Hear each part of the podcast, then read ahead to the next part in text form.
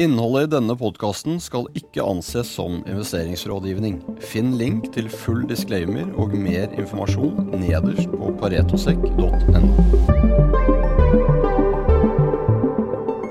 Hei og hjertelig velkommen til en ny episode av Paretopodden. Det her blir årets siste podkast, og gitt at det er 19.12. og vi nærmer oss avslutning på året, så tenkte vi å ta en liten oppsummering på hva som har skjedd innenfor energimarkedet. Med oss i studio så har vi oljeanalytiker Tom Erik Kristiansen. Velkommen, Tom Erik. Takk. Og så har vi oljeservice og fornybare analytikere Bård Rosef og Jørgen Oppvei. Velkommen i studio. Takk. Takk. Ikke bare har vi Paretos årlige julelunsj i morgen på Continental, hvor vi eh, som vanlig går gjennom eh, litt forskjellige ideer innenfor energi, shipping og fornybart, men vi har også en del eh, konferanser som skjer på nyåret, Bård. Blant annet så er det jo Power and Renewables-konferansen, som er eh, så tidlig som 18. januar i år. Jeg har vært litt frem og tilbake med, med datoen, men i år må man booke, tidlig. Det er en uh, stor fornybarkonferanse hvor, uh, hvor alle som er interessert i fornybar, bør, bør kjenne sin besøkelsestid. Og så har vi jo den årlige IMP-konferansen i London, Tom Erik, og den uh, er jo alltid i slutten av januar. Og 25. januar så, så står den på programmet i år. Hva kan vi glede oss til i London i år?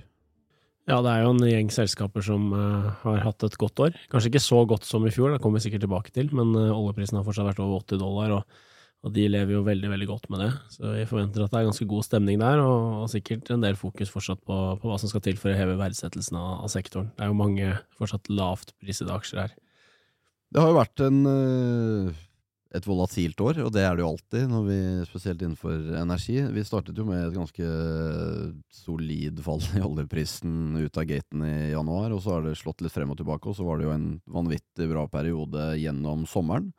Og så har det kommet litt tilbake nå, nå, på slutten, sånn at vi kan hente fart inn i, inn i 2024. Jørgen, du dekker jo supply og subsea i tillegg til en del, tillegg til en del fornybart. og Hvis vi skal ta supply og subsea, da, så har det jo egentlig vært et, et veldig bra år på, på, det fundamentale vi har sett her.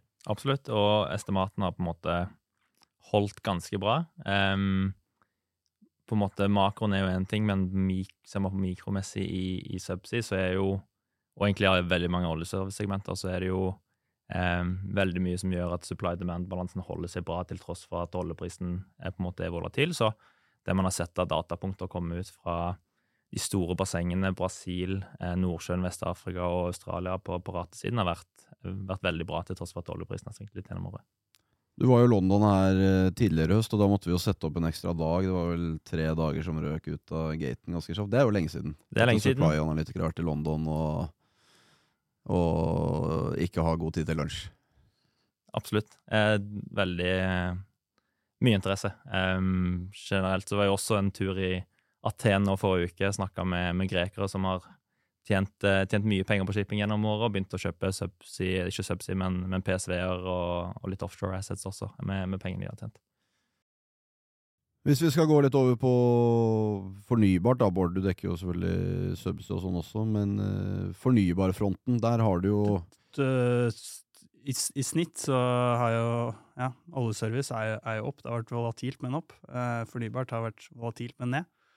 Uh, hatt, uh, det har vel ganske grei negativ korrelasjon på, på utviklingen i aksjekursene til to. Uh, et år preget, preget av, av, fortsatt etterslep av kostnadsinflasjon, som gjør at det går litt tregt med nye prosjekter, og ikke minst høyere renter. og på fornybarsiden så er det, det er ikke så mange markeder det slår så mye som det gjør der. driftskostnadene på, på en ny vindpark er, er så å si null. Det er vedlikeholdskostnader. Eh, alt der eh, kostnadene er, er investeringer, og, og, og, da blir det veldig veldig rente, rentesensitivt eh, for, for, sektoren som helhet. Eh, så har du da sett eh, nå når man i løpet av siste måneden egentlig, så har du fått en ordentlig rekyl eh, ved at renten er på vei ned, og, og, en del investorer da begynner å posisjonere seg for et marked med, med fallende renter igjen. Og, da ser det veldig mye bedre ut for, for, for fornybart. sånn absolutte rentenivået er fortsatt Økonomien er fortsatt stort sett god i sol og vind, og, og til og med havvindprosjekter. Uh, men, uh, men uh, det at du har så bratt økning i, i, i, i um, rentene, Det gjør det veldig vanskelig å sanksjonere fra en timelag fra du får en prisavtale. Største fokus gjør er på havvind i USA. Da har du prisavtaler du har signert i 2019, 2020, 2021. Som du ennå ikke har gjort financial close på. Bundet rentene, bundet prisene på turbiner osv. Og når rentene da går 200-300 basepunkter, og de i utgangspunktet kanskje hadde en kapitalavkastning, en, en VAK på 5-6 så er det klart det totalødelegger økonomien. For Det er jo kanskje det som er forskjellen. Altså, det er klart Aksjene var jo veldig svake i fjor, men i år så har du på en måte sett at det fundamentale, sånn som du sier, det er jo ikke økonomi i det. Så spesielt på så det, er jo, det, er jo, litt sånn Det er jo økonomi å ta en liksom generisk vindpark i, i, Sverige, da. Norge er jo ikke så veldig aktuelt. Eh, så hadde du kanskje en eh, balansekostnad på ny vindkraft på 35 øre. Og med økte renter så er det 50 øre i dag. 50 øre er fortsatt bra. Eh, mot forventet pris nå, eh, kontra forventet pris for, eh, for 18-24 måneder siden. Men hvis du har bundet inn eh, prosjektet ditt på 35 øre, eh, og, og, ikke bundet finansieringskosten din, og ikke bundet turbinprisen din, så sliter du. Da får du ikke gjennom prosjektet.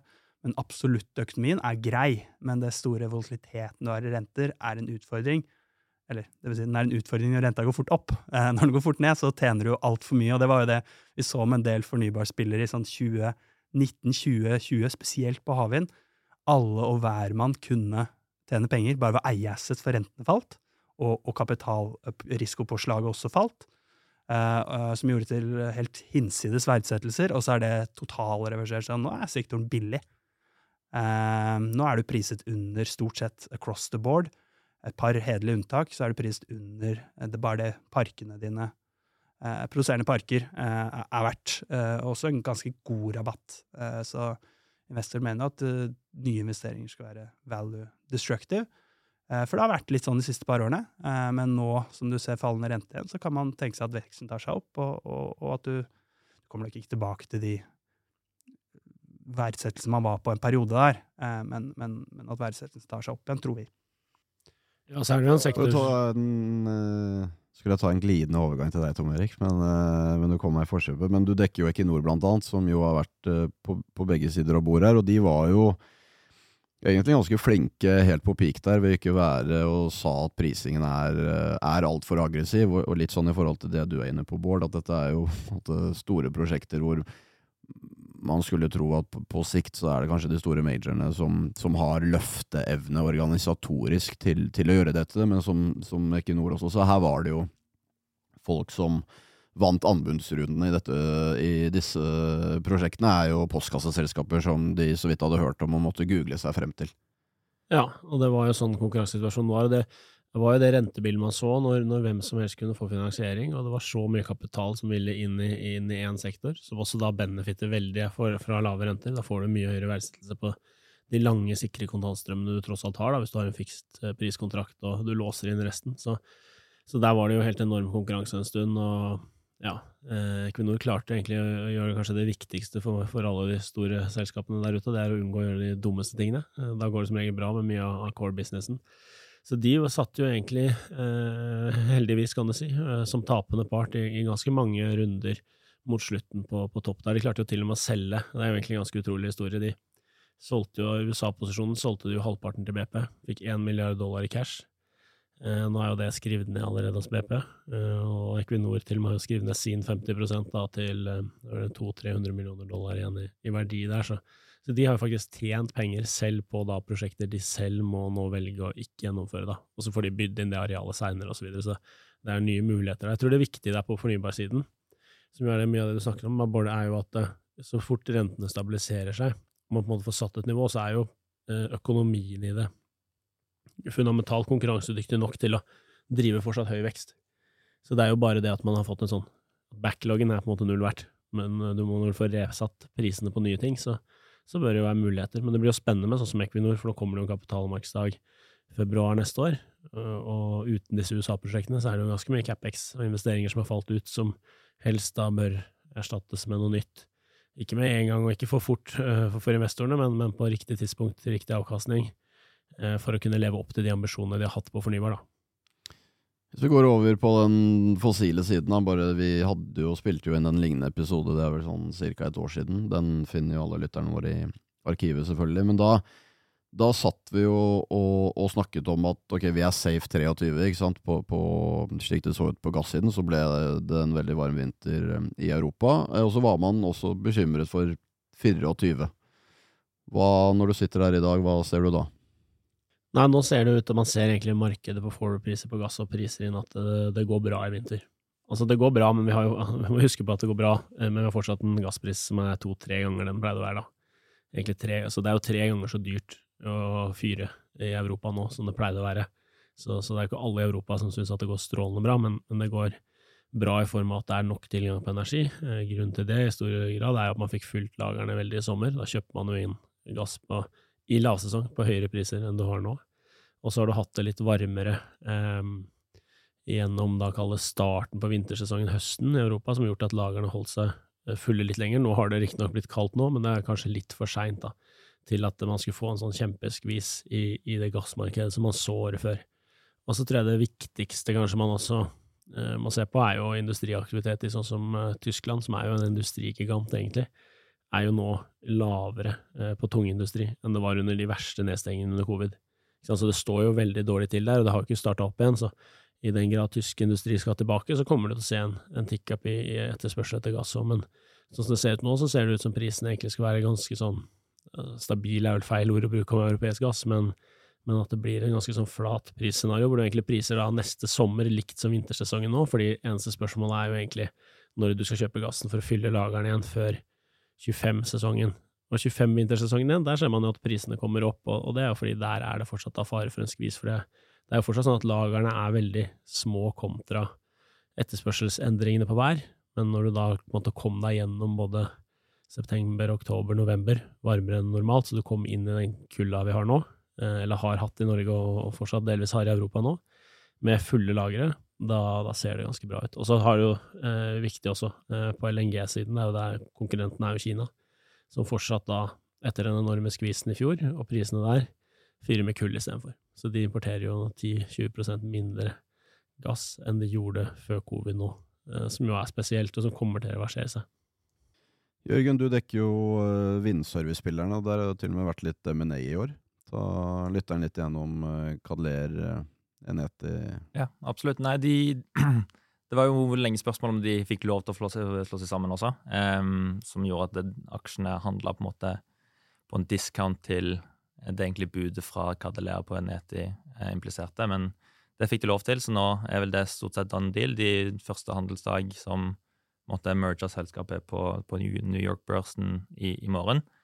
Um, men ja, nei, det er jo tung installasjon, så de har um, jackups som installerer fundamenter og, og vindmøller. Um, det er et segment der, på tross av dem, alt man har sett med Equinor i USA og, og Vattenfall i UK, som skyver på, um, skyver på prosjekter og setter datapunkter som kommer inn egentlig veldig, veldig bra.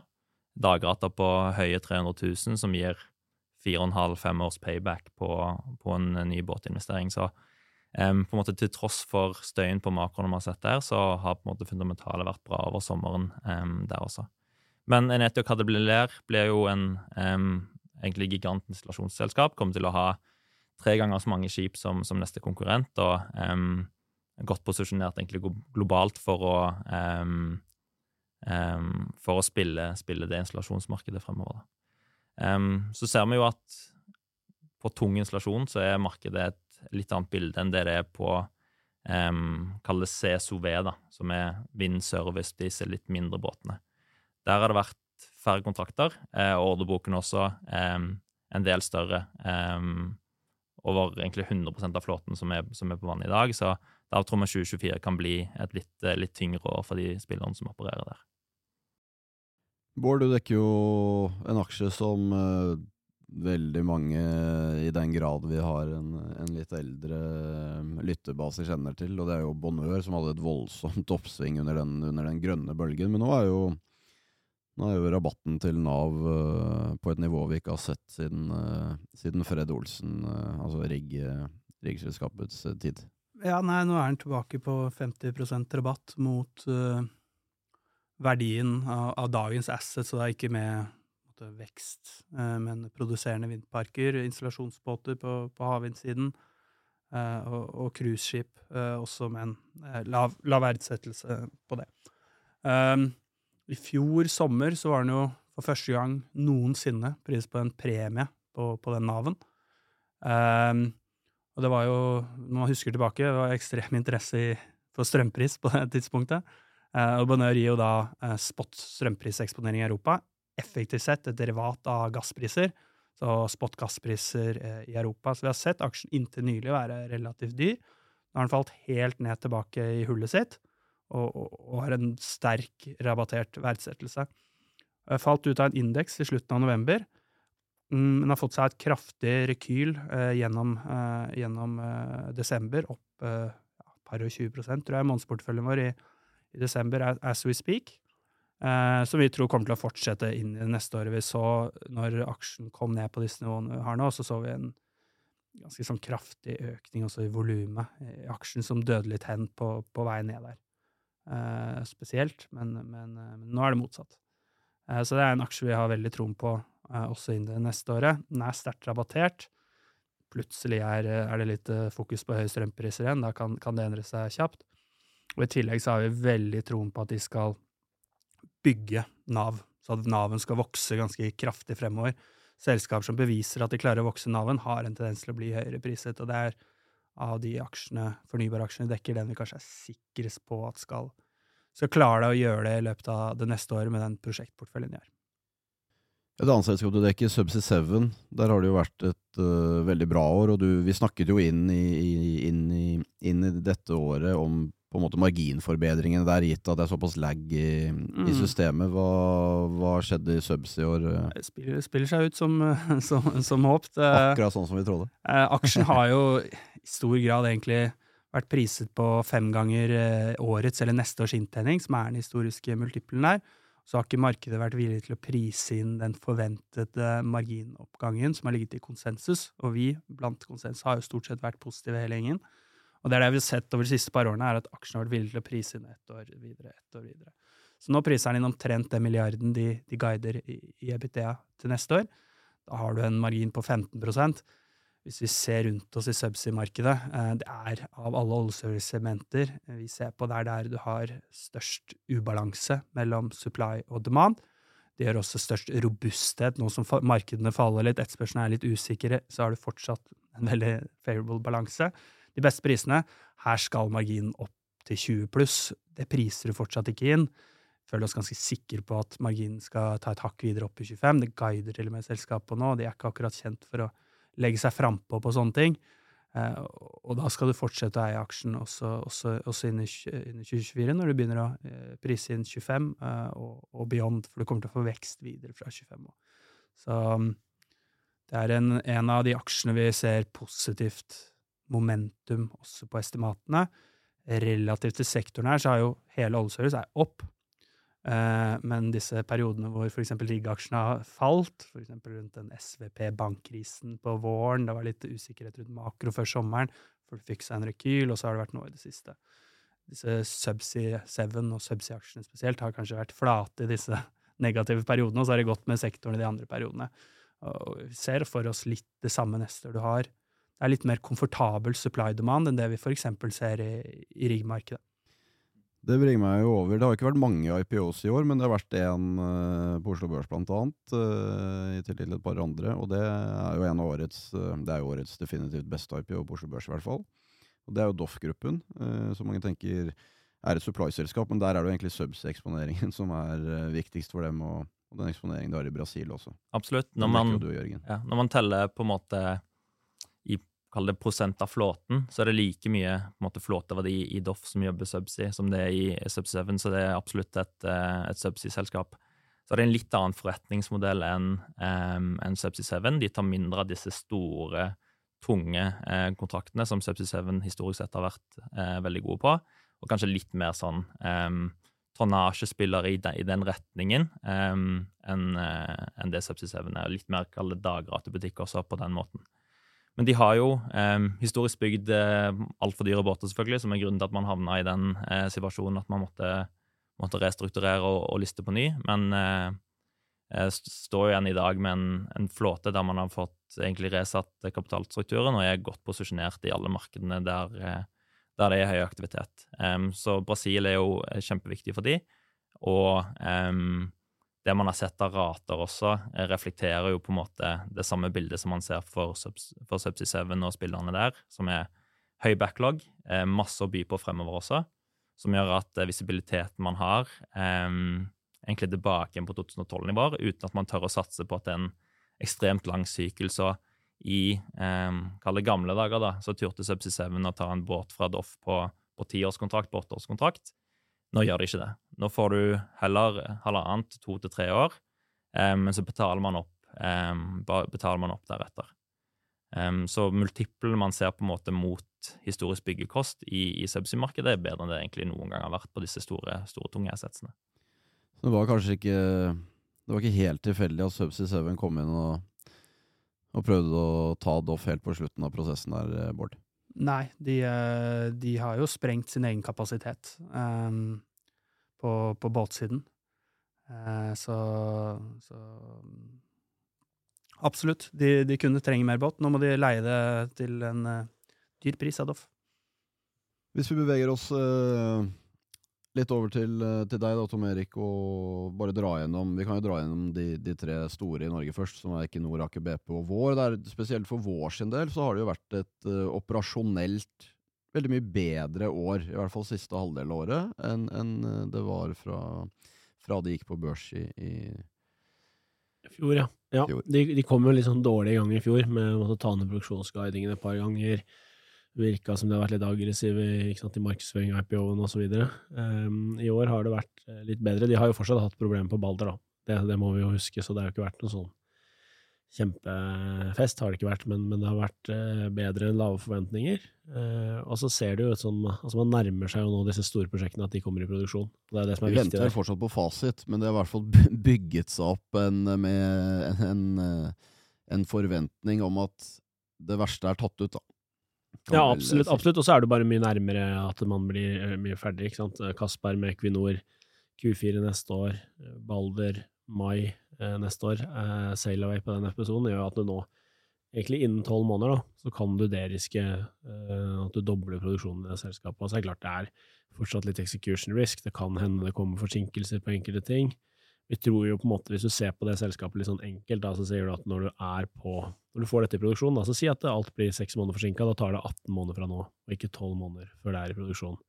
Da bør du fortsatt få en ganske bra reprising. Du har aldri før kunnet kjøpt 400 000 fat produksjon i Nordsjøen, 15 dollar eh, under det da, når dette er i produksjon, OPEX, til en prising på sånn PE6, ikke sant, der vi er nå, egentlig, på dagens priser. Så, så det er klart, eh, fordelen i vår er at forventningene er satt ganske lavt nå, så da tror vi egentlig at de kan klare å slå de, og, at matematikken til slutt vinner. Da. Det er 15% utbyttegild nå, eh, vi tror ikke de kommer til å kutte det. vi før eh, siste fallet nå i oljeprisen ned mot 70, og så opp igjen nå, da, så da er kanskje man litt tilbake igjen på å se på oppsiden, så var det jo snakk om at utbyttet skulle videre opp når du closer Neptun-oppkjøp i, i Q1, ikke sant. Så de har vært flinke på å gjøre et par sånne gode, gode dealer der også, så uh, vi er positive til vår. Uh, liker egentlig kombinasjonen av at det er billig, og vi forstår hvorfor det er billig, og det er gode grunner til at det er billig, men de grunnene bør jo da forsvinne nå egentlig i løpet av forhåpentligvis et år, eh, kanskje litt lenger hvis noe skulle bli forsinka, men, men, uansett innen en sånn tidshorisont som gjør at eh, vi tror det er, eh,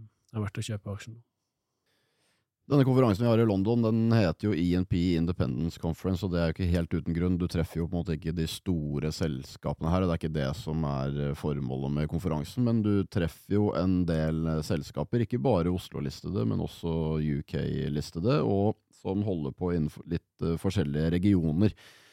Det var jo en eh, En ganske våt uh, nyttårsgave alle disse UK-baserte selskapene fikk servert. Uh, Harbour, blant annet, som man kan møte på konferansen vår, fikk jo en, en skattepakke slengt, slengt, rett i fjeset. Så der har, jo, der har det jo vært et tøft år. Ja, der har det vært et tøft år. De fikk jo en ekstraskatt på 35 Jeg tror det er noen som har regna ut at det myndighetene eller det industrien kaller det, er å beslaglegge verdier. Det er jo i praksis det du gjør når det kommer med en ekstra skatt. Eh, eh, som, eh, som bare går på, på alt av inntekter du har. For den var vel heller da ikke deductible mot Nei, du kan ikke offsette mot noen ting. Eller forhenværende investeringer. Får ikke tatt av noen ting eh, på 35% Det er klart det, Hvis du er politiker og skal få budsjettet til å gå på kort sikt, så fungerer det veldig veldig godt. Eh, og det var sikkert veldig populært eh, gitt den ikke sant, krisen du hadde med, med gasspriser som var skyhøye osv. akkurat da. Men, men klart på lang sikt så det jo, gjør det jo veldig mye med investeringsklima for, for UK. da. Så Hvem er det som har lyst til å investere et sted hvor skattesatsen plutselig dobles? Det er jo krevende, selvfølgelig. Og, så der kommer man til å merke det på sikt, at det, investeringstakten kommer ned, og at andre steder blir mer attraktive å putte pengene. En region som eh, har fått mye oppmerksomhet i år, det er jo Namibia. Gitt at man eh, holder på å drille der, og det forventes jo at det er eh, et av de største feltene noensinne som ligger der. Hva, der er jo Africa Oil blant annet eksponert. Hva er det siste, er det siste der? Ja, de kommer jo på konferansen nå. Um, siste i, i regionen der, de borer jo fortsatt. Um, det var jo litt sånn, Hvis du ser på aksjekursen til Africa, så ble det jo sånn antiklimaks på Total sin eh, kapitalmarkedsføringsdag. Eh, og det, her jo, Hvis vi ser historie, så har det alltid kommet litt drypp på selskapene. Som, men her har jo Total holdt kortene ekstremt tett i brystet. Ja, og det er jo kanskje to grunner til det. Det eller Den viktigste er nok at det handler om å manage expectations for myndighetene. For dette er et nytt sted som ikke har funnet olje før, og som nå tenker at du er kjemperik, og at disse oljeselskapene kan betale hva som helst, og at er alt som skal bygges ut og brukes, kan være local content osv. Så, videre. Så det er liksom å holde de eh, forventningene litt, litt på et fornuftig nivå. Eh, Det, det har vist seg historisk ofte å bli et problem, da, spesielt offshore Afrika. Hvor det finnes f.eks. store gassfunn som ikke er bygget ut, rett og slett fordi myndighetene på en måte eh, ønsker seg helt urealistiske skattenivåer osv. for å få det til. Så det er en del av det. Så er det vel gått litt rykter om at Total har plukka opp litt blokker i, området også, da, rundt sitt eget funn. Så det er klart, hvis du har planlagt å kjøpe, kjøpe nabohuset, så, så sier jo ikke så mye om, om hvor bra det står til kanskje akkurat, akkurat med eget funn der. Så de, de sa jo ganske lite, og så er det veldig typisk supermajors egentlig å gjøre det sånn. Så det er jo litt sånn Vi blei jo overraska selvfølgelig, og det blir jo en veldig sånn derre eh, sobering eh, opplevelse når du ser at eh, et selskap bruker en tredjedel av én av 48 slides på det som sannsynligvis da er, er det største funnet i år, da, globalt. Men, eh, men eh, ja, det, det var sånn Total valgte å gjøre det. Eh, nå borer de jo en letebrønn til der. Det er sikkert milliard fat pluss eh, target. Vi vet jo ikke størrelsen på det heller, for de har ikke lyst til å si det. Men, men du borer jo ikke noe der som er under en milliard fat nå. Eh, det pågår. Eh, så har de hatt en produksjonstest som var vellykka på det eksisterende funnet. De gjør én til nå. Høyst sannsynlig for at den er vellykka. Eh, er den det, så blir det jo fort eh, erklært kommersielt på et eller annet tidspunkt. Og, og begynt å bygge ut, rett og slett. Så der kommer det til å komme en ny, ny produksjonsbase og et nytt, uh, nytt basseng. Det er jo en fin overgang til uh, riggsektoren, Bård. Jeg var jo til og med oppe på Deep Simira i, uh, i mars, var det vel, da han lå utenfor Bergen, rett før han skulle seile nedover til, uh, til Las Palmas først, og så videre ned til Namibia. Der har det også vært et, et volatilt år, spesielt for, for aksjene sin del. Hva, men vi kan jo ta mer på hva som har skjedd i det fundamentale bildet. Ja, nei, det har vært et, et år med forbedring. Ganske bra forbedring. Eh, totalen har gått som ventet. For år under ett så er aksjene opp 30 eh, Som reflekterer det vi mener er en fundamental forbedring man ser i markedet. At det spiller seg ut litt som man forventet. Det, eh, mye av optimismen der handler jo om tilbudsbildet. Og så er det alltid en usikkerhet rundt etterspørsel. Så gjennom året har aksjene vært eh, volatile. Eh, hadde en bra, bra start. Så falt det da etter denne eh, bankkrisen og, og, og makrousikkerhet på våren. Så så man kjempebra dager og hatt momentum samtidig som oljeprisene kom opp gjennom sommeren, og da hadde aksjen blitt pusha ganske bra ned. Kjemperally. Eh, før det har falt av nå, eh, en mot slutten av året, på makrousikkerhet, på rater. Vi at ratene litt, litt nedjusteringer i etterspørselen i første halvår neste år, som gjør litt press på ratene. Eh, og, da forsvinner fort en del sånne momentum-investorer som er, er viktige for prisingen i, i, i en sektor, i, en sektor uh, som, som denne. Uh, men, men for året som helhet har det jo vært bra. Ratene er opp. Um, går vi inn i, neste år, så, så er det litt mer usikker på etterspørselen i, første halvår, som, som kommer til antageligvis til å gi litt press på ratene. Men det har, samtidig, det har vært kjent en stund, og de som, aksjene som er mest eksponert, det er faktisk de som har gjort det best eh, siste tiden. Eh, så vi tror en del av det er prist inn. Eh, mot slutten av, eh, av, av, neste år så forventer man, basert på tendere som er utstående, at etterspørselen kommer seg opp. Da skal ratene ta seg videre opp. Og så vet vi jo at dette uh, har man jo ofte. Uh, antar man jo det. Så det er liksom Man priser ikke det før, før det blir sett. Men, men, men, gitt at det skjer, så, så tror vi på en, på en, rekyl, og det vil man typisk få visibilitet på ja, rundt neste sommer igjen. da, sånn, Tilsvarende som i år, egentlig, på, på dagratutviklingen når vi kommer inn i, i andre, andre halvår neste år. Um, og Det er jo litt uh, av det vi har snakket om her i en del tidligere podkaster, både med deg, Bård, men også med deg, Tom Erik, i forhold til det at Aker BP kanskje underperformer litt nå. I hvert fall uh, ser uh, litt svakere ut på en del free cash flow metrics, gitt at de benyttet seg av disse pakkene fra den norske stat på å investere en del. Og det er jo, Bård, det er jo ting som vi ikke ser i dag i rig demand. Nei, uh, spesielt i, i, Norge på det gjelder alle segmenter. Det er det enormt svakt marked.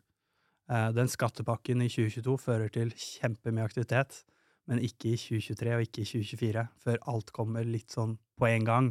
Så der har man en sånn uh, etterspørselsgløtt før du vet Og det er jo mye av det er allerede signerte kontrakter. Aker BP jo, har vært helt rågode på å sikre seg kapasitet i hele verdikjeden. Men, men, men, før etterspørselen kommer, kommer, opp igjen. Så der har du en litt sånn spesifikk pause i, i Norge, da. Ja, for der er det sånn, prosjektene er jo i gang, så det er jo litt sånn når vi snakker, eller jeg snakker med selskapene på, på oljesiden, så er det jo sånn at liksom, ja, vi er i gang med å kutte stål, men, men, offshore execution er jo, som du sier, et, et år eller to fram. Men det kommer jo til å skje utrolig mye der. Og hvor lite som egentlig skjer nå, da, det må man jo huske også når man tenker på den skattepakka. så kan man diskutere om den liksom var nødvendig? Hadde man visst at oljeprisen ble nesten 100 i fjor, så kunne man sikkert uh, la vært. Men eh, hvis man ser hvor lite som faktisk skjer i Norge på en måte offshore akkurat nå, spesielt etter at Sverdrup-utbygging er ferdig osv., så, er det jo kanskje et godt tegn at aktiviteten tar seg litt opp. da. Det er jo veldig mange som jobber i, i oljenæring og i servicenæring og i alle disse stedene langs uh, norskekysten. Det er jo et lite vakuum etter Sverdrup, og det er, jo, det, er jo, det er, jo, lett å glemme hvor stort det feltet er, og hvor mye kapasitet det faktisk har dratt. Ja, det, det har vært uh, vanvittig. Det er jo et uh, kjempeprosjekt, og det har jo også blitt, blitt, veldig, veldig bra. De fikk jo til og med levert det godt under kost, og produserer nå over 700 000 fat med, med 2 dollar OPEX. Så da blir det fin margin når oljeprisene er nesten 80 dollar. Samme ser du faktisk på, på båtsiden også. Hvis man teller på en måte PSV-er i Nordsjøen, så er jo den eh, counten der tilbake igjen på det laveste siden egentlig før man begynte å bygge opp flåten i 2009-10-årene. Så eh, lite vakuum nå i, i 23, så forventer vi vel de fleste at det skal um, koke derfra fra, mot slutten av neste år inn i, inn i 25. Nå går det jo i, i, en del termer her, men hvis vi har noen nye lyttere på linje, så har jo du og, du og jeg, Bård, vi satt jo i min aller første episode og drodlet oss eh, drodlet i vei, men da i hvert fall gikk vi gjennom alle Det var en ganske god timing på den episoden, sett i, sett i etterkant, men uh, da var det jo litt sånn uh, wake-up call for, for oljeservice, og da dro vi jo gjennom alle de forskjellige segmentene, blant annet på en måte hva en PLSV er, hva en, hva en ankerhåndteringsskip er, osv. osv. så, videre. så for, for, de av lytterne hvor et par av termene kan bli, kan bli litt vanskelig å forstå, så anbefaler jeg å ta en, eh, ta en lytt inn på den episoden som, som, ligger i arkivet, som vel heter Comeback for oljeservice, hvis ikke jeg tar helt feil. Jørgen, du dekker også en del mindre selskaper. I går så tok du opp dekning på et nytt selskap, som uh, noen på Retos kunder kan finne i, i mailboksen sin eller på online.paretosek.com. Det er ABL Group. Hva, er de, hva slags selskap er det? Riktig. Det er et, eh, det er et serviceselskap, men det er konsulentselskap, så det er noe helt annet enn på en måte det stort sett asset det vi må snakke om i dag. Um, det er um, De selger konsulenttimer 70% av inntektene er, er, olje og gass, og så har de også en del kall tidlig, og, eller egentlig på kryss av hele fasen innen, innen offshore vind. Eh, så det fornybarsegmentet det er ca. Eh, 20% og så er resterende 10 eh, på en måte maritim og, og shipping. da. Men det er jo også et selskap som, um, på likhet med egentlig alle andre segmenter innenfor oil service, um, har hatt det uh, mye å gjøre i nedturen med å på en måte right size organisasjonen og, og kutte kost. Eh, det er et selskap som har vokst organisk, um, og så har de mange doble antall ansatte med å gjøre innvandrende oppkjøp også. Det har de også vært flinke på. så um, måtte kjøpt ting til, til, riktig pris etter de har kjøpt det, på en måte få, få omboarda um, konsulentene og, og, på en måte kult, få bygget selskapskultur som er, er å, å jage, jage, return on capital. Um, så de har klart å bygge ned arbeidskapital og begynt å betale um, har en god streak på dividender nå siden, uh, siden 2020. Um, så på en måte ser man på posisjoneringen av det selskapet inn i, i, i, neste år, så har de på en måte konsulenter der man har lyst til å uh, tilby konsulenter, og på en måte scarcity på, eller mangel på, på hoder i ulike deler av verdikjeden gjør at vi tror at de har rom for å løfte prisene, vokse, og, og dermed løfte marginene eh, også. Tom Erik, en, eh, en, annen region som er veldig godt kjent for eh, alle som har uh, handlet aksjer på Oslo Børs i lang lang tid, det er jo Kurdistan, uh, med DNO i, i spissen her i, her i, Norge. Der har det jo også skjedd en del ting. Eller ikke skjedd. Ja, ikke skjedd er jo kanskje problemet der akkurat i år. Det var jo sånn at uh, Det er jo en region selvfølgelig som gjør det veldig godt på høye oljepriser, fordi du har på en måte selvfølgelig den vanlige eksponeringen som oljeselskap, og så i tillegg så har du problemer med betalingene.